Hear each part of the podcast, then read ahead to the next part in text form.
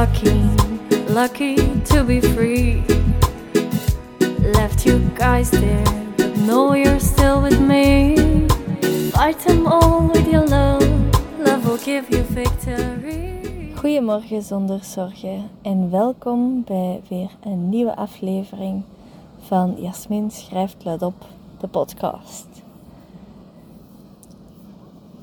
Uh, vandaag neem ik mijn podcast op van achter een muurtje aan de zee.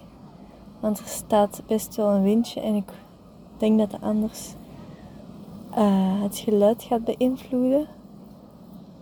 Maar de zee mag het geluid wel beïnvloeden, want ik zit namelijk aan de zee. En ik hoop dat jullie iets horen van de golven. Die dat ik hier eigenlijk wel heel hard hoor. En vandaag wil ik het met jullie hebben over inzichten dat ik eigenlijk al kreeg als kind. Ik was eigenlijk een heel stil kind en ik was ook altijd aan het dromen en aan het nadenken en eigenlijk heel in mezelf gekeerd. En ik weet dat toen ik tien of negen zelfs denk ik jaar was, was er een uh, spel, een heel populair computerspel en dat noemde The Sims. En mijn familie was er echt door geobsedeerd.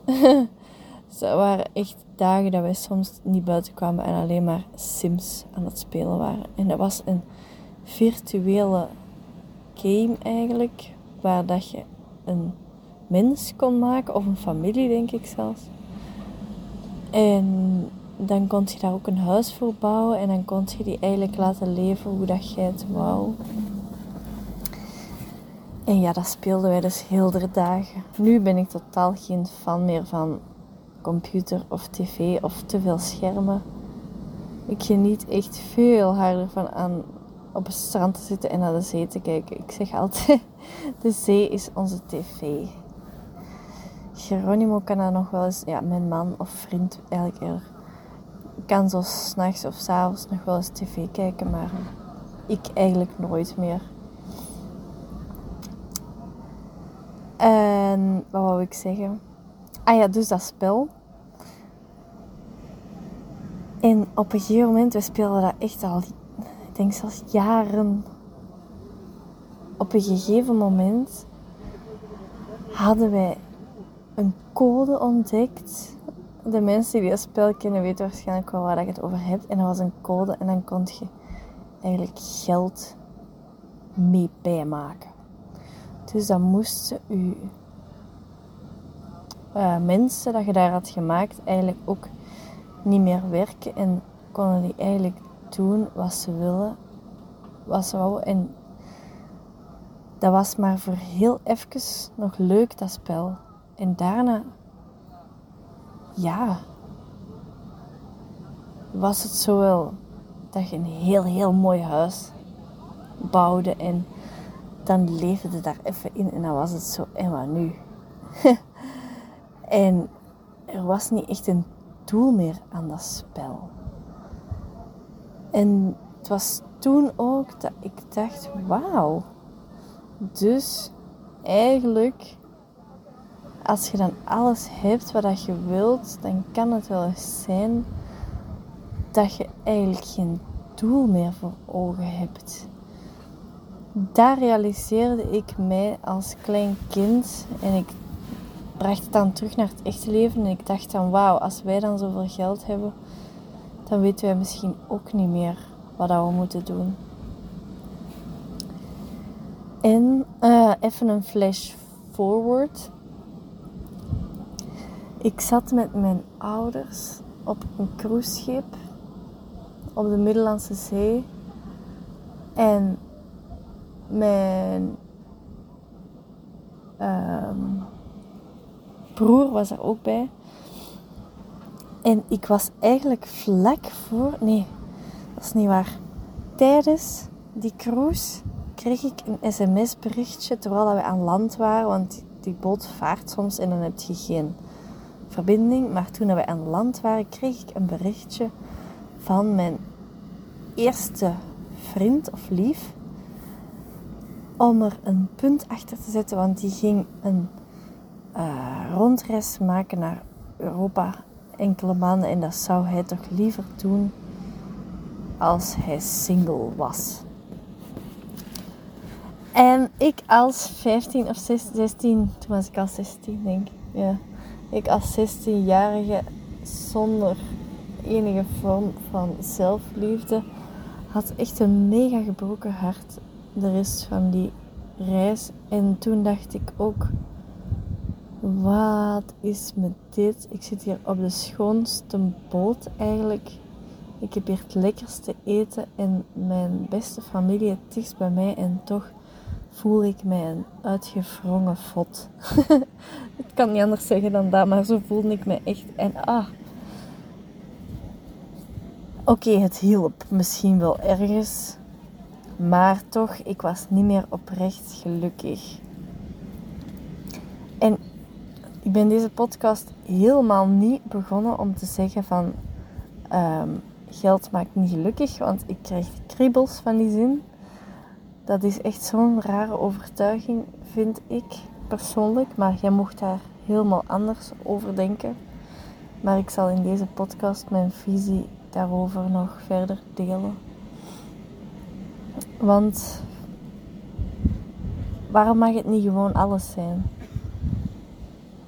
Want ik besefte op die boot dat als de liefde u ontbreekt, dan is de rest eigenlijk niet meer veel waard. En ik denk dat ik andersom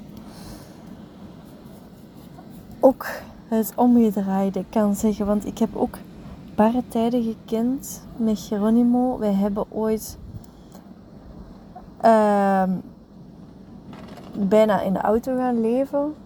Omdat ik uh, net was begonnen terug met werken en hij had zijn job opgezegd.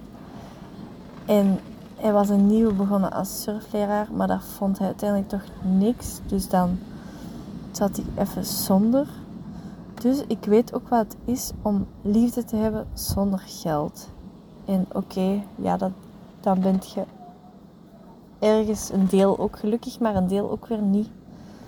Dus voor mij is het nu echt, ik ben een heel harde fan van de en en. Dus en een goede relatie of liefde hebben in je leven. Daarom moet dat niet per se van je partner. Maar en ook het financieel uh, goed voor elkaar hebben. En dan kun je nu denken, wauw, het jij dan ook financieel goed voor elkaar? Ik denk dat dat perceptie is, ook voor een groot deel. En of je het in de liefde ook goed voor elkaar hebt, dat is ook een groot stuk perceptie. Hoe dat jij naar de wereld kijkt, hoe dat jij de dingen bekijkt, bepaalt een groot deel uh, wat dat je eigenlijk hebt. Ik kan bijvoorbeeld over mijn financiële situatie kan ik bijvoorbeeld zeggen, ik krijg 250 of juist geen 250 euro kindergeld van België. En ik vind dat echt gigantisch veel. Ik ben daar echt elke maand oprecht heel blij mee, want wij betalen een uh, huur uh, van ons huurhuis tussen haakjes met zicht op zee en een zwembad. En echt op 10 minuten wandelen van het strand. Dus ik vind dat helemaal niet slecht gedaan. En daar betalen wij 500 euro voor.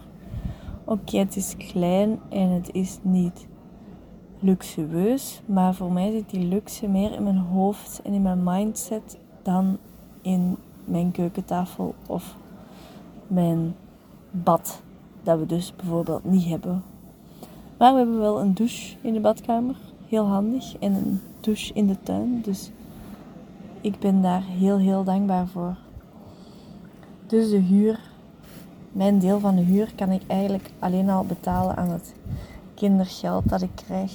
En het geld dat ik heb van mijn boeken. Wat trouwens niet gigantisch veel is, want dat denken de mensen soms. Dat gebruik ik om van te leven. En alle extraatjes, zoals uh, uitgebreid gaan eten, dat is dan Geronimo zijn deel. Of dat is zijn deel niet. Hij wil gewoon dat voor mij dan wel betalen, omdat ik eigenlijk 24-7 voor ons dochtertje zorg, Lily. We zijn altijd samen, wat soms ook wel pittig is. Maar zoals nu, dit, deze kleine, ik denk 20 minuten, of het gaat denk ik een kortere worden. Die gebruik ik dan uh, om een podcast op te nemen. Dus dan is dan eigenlijk, dit is mijn vorm van me-time. En met deze podcast wil ik eigenlijk vooral zeggen dat je niet moet afzien. Het heeft daar echt geen nut voor.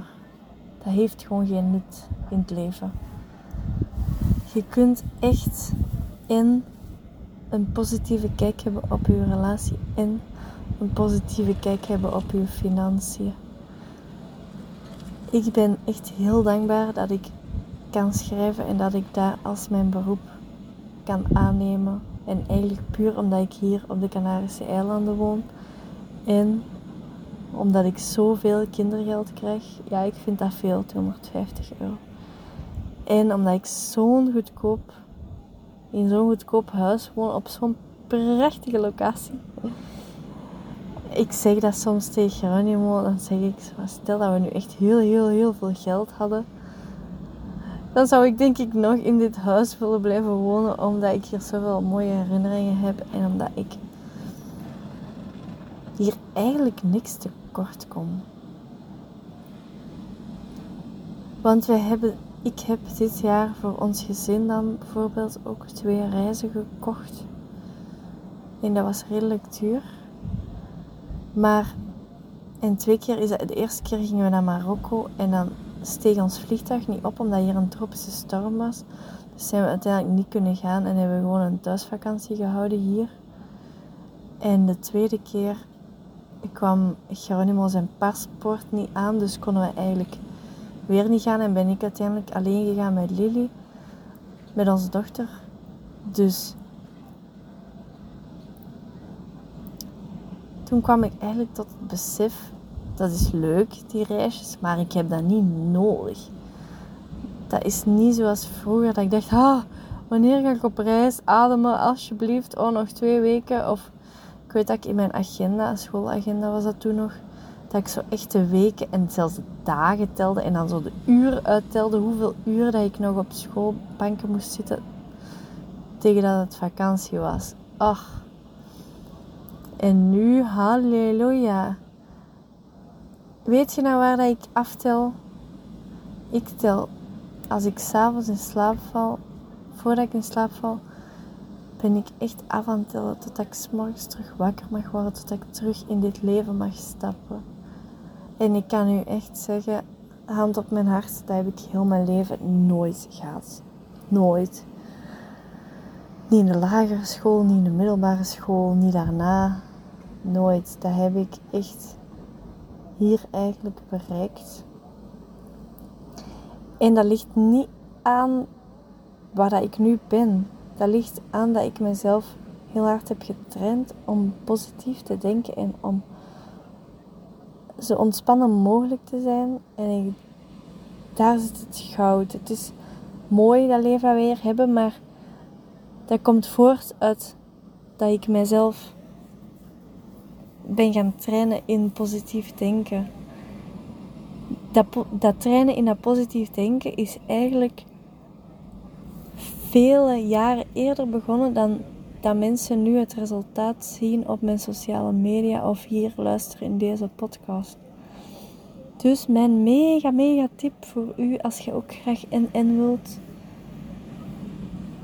En een goede financiële situatie en een goede relatie en een mooie plek om te wonen en, en, en, en, en. Als je dat graag wilt, dan is het echt een mega tip om uw te beginnen trainen om positief te denken. En het is niet andersom dat eerst alles is gebeurd wat, dat, wat ik nu in mijn leven heb en dat ik daarna positief ben gaan denken. Het is echt helemaal omgekeerd. Je begint eerst met je hersenen of je geest of je programmatie of weet ik veel hoe dat je het wilt noemen. Je begint eerst met die veel positiever te maken en dan is het automatisch gevolg alle mooie dingen. En ik weet dat echt veel mensen dat u misschien al gezegd hebben, maar ik heb dat geleefd en ik leef dat nu nog. Ik zie dat gewoon in mijn leven. En ik denk ook dat mediteren een groot stuk daarin heeft geholpen, maar dat is zeker niet het hoofdding.